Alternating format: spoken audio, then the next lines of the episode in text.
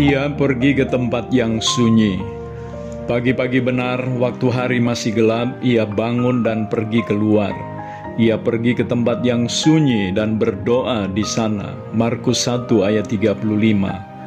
Hari ini kalimat yang menginspirasi saya adalah Yesus pergi ke tempat yang sunyi dan berdoa di sana.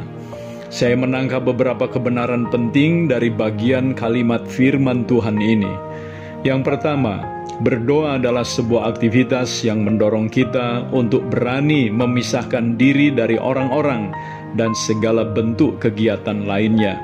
Tinggalkan sejenak semua obrolan tidak penting dengan orang lain, dan hentikan sementara juga semua aktivitas lainnya, supaya kita dapat memusatkan diri di dalam berdoa.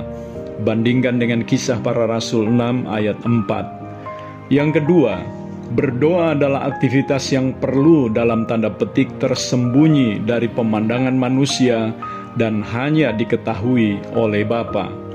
Berdoa adalah salah satu hukum ibadah, seperti memberi sedekah dan berpuasa, yang sangat memerlukan ketulusan dan kewaspadaan di dalam motivasi melakukannya Sebab ketiga hukum ibadah ini sangat rentan dipakai menjadi sebuah pertunjukan kerohanian yang penuh kemunafikan karena dilakukan demi pujian dari manusia.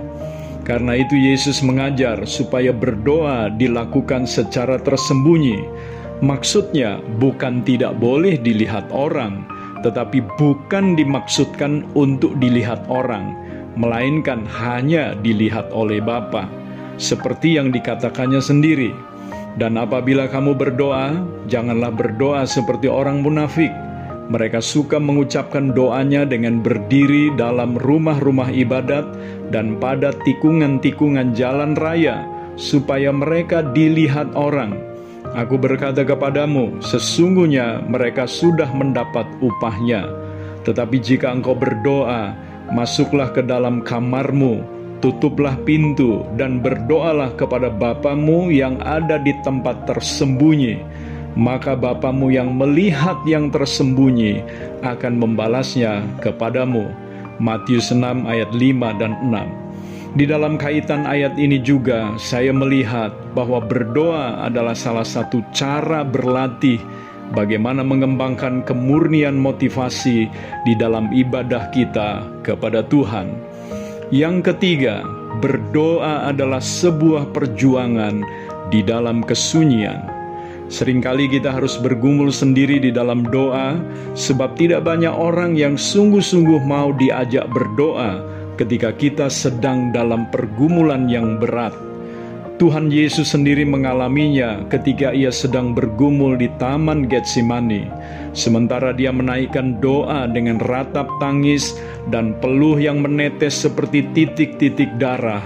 Simon dan murid-murid lainnya justru jatuh tertidur karena kelelahan. Markus 14 ayat 37 mencatat, setelah itu ia datang kembali dan mendapati ketiganya sedang tidur dan ia berkata kepada Petrus, Simon, sedang tidurkah engkau? Tidakkah engkau sanggup berjaga-jaga satu jam? Banyak orang percaya akhirnya berhenti berdoa karena dia merasa berjuang sendirian. Tidak ada orang yang menemaninya untuk bergumul dalam doa, bahkan sekedar memberikan kata-kata yang memberikan semangat untuk dia terus berdoa.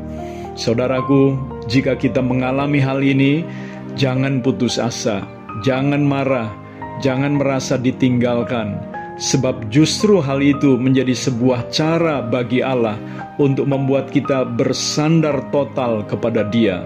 Teruslah berdoa, jangan berhenti, karena di saat seperti itulah kita akan mendapati bahwa Allah akan menjadi pribadi yang sangat dekat dan menjadi sahabat yang intim bagi kita. Mari kita terus maju dalam berdoa. Seperti kemarin saya katakan, lebih dari sekedar beban, berdoa adalah kehormatan untuk menjadikan diri kita sarana bagi Allah menggenapkan kehendaknya di atas muka bumi ini. Saudaraku, tetaplah berdoa, sekalipun itu menjadi jalan yang sunyi bagi saudara. Saya Theo Barahama, Bring Heaven Home. Tuhan Yesus memberkati saudara.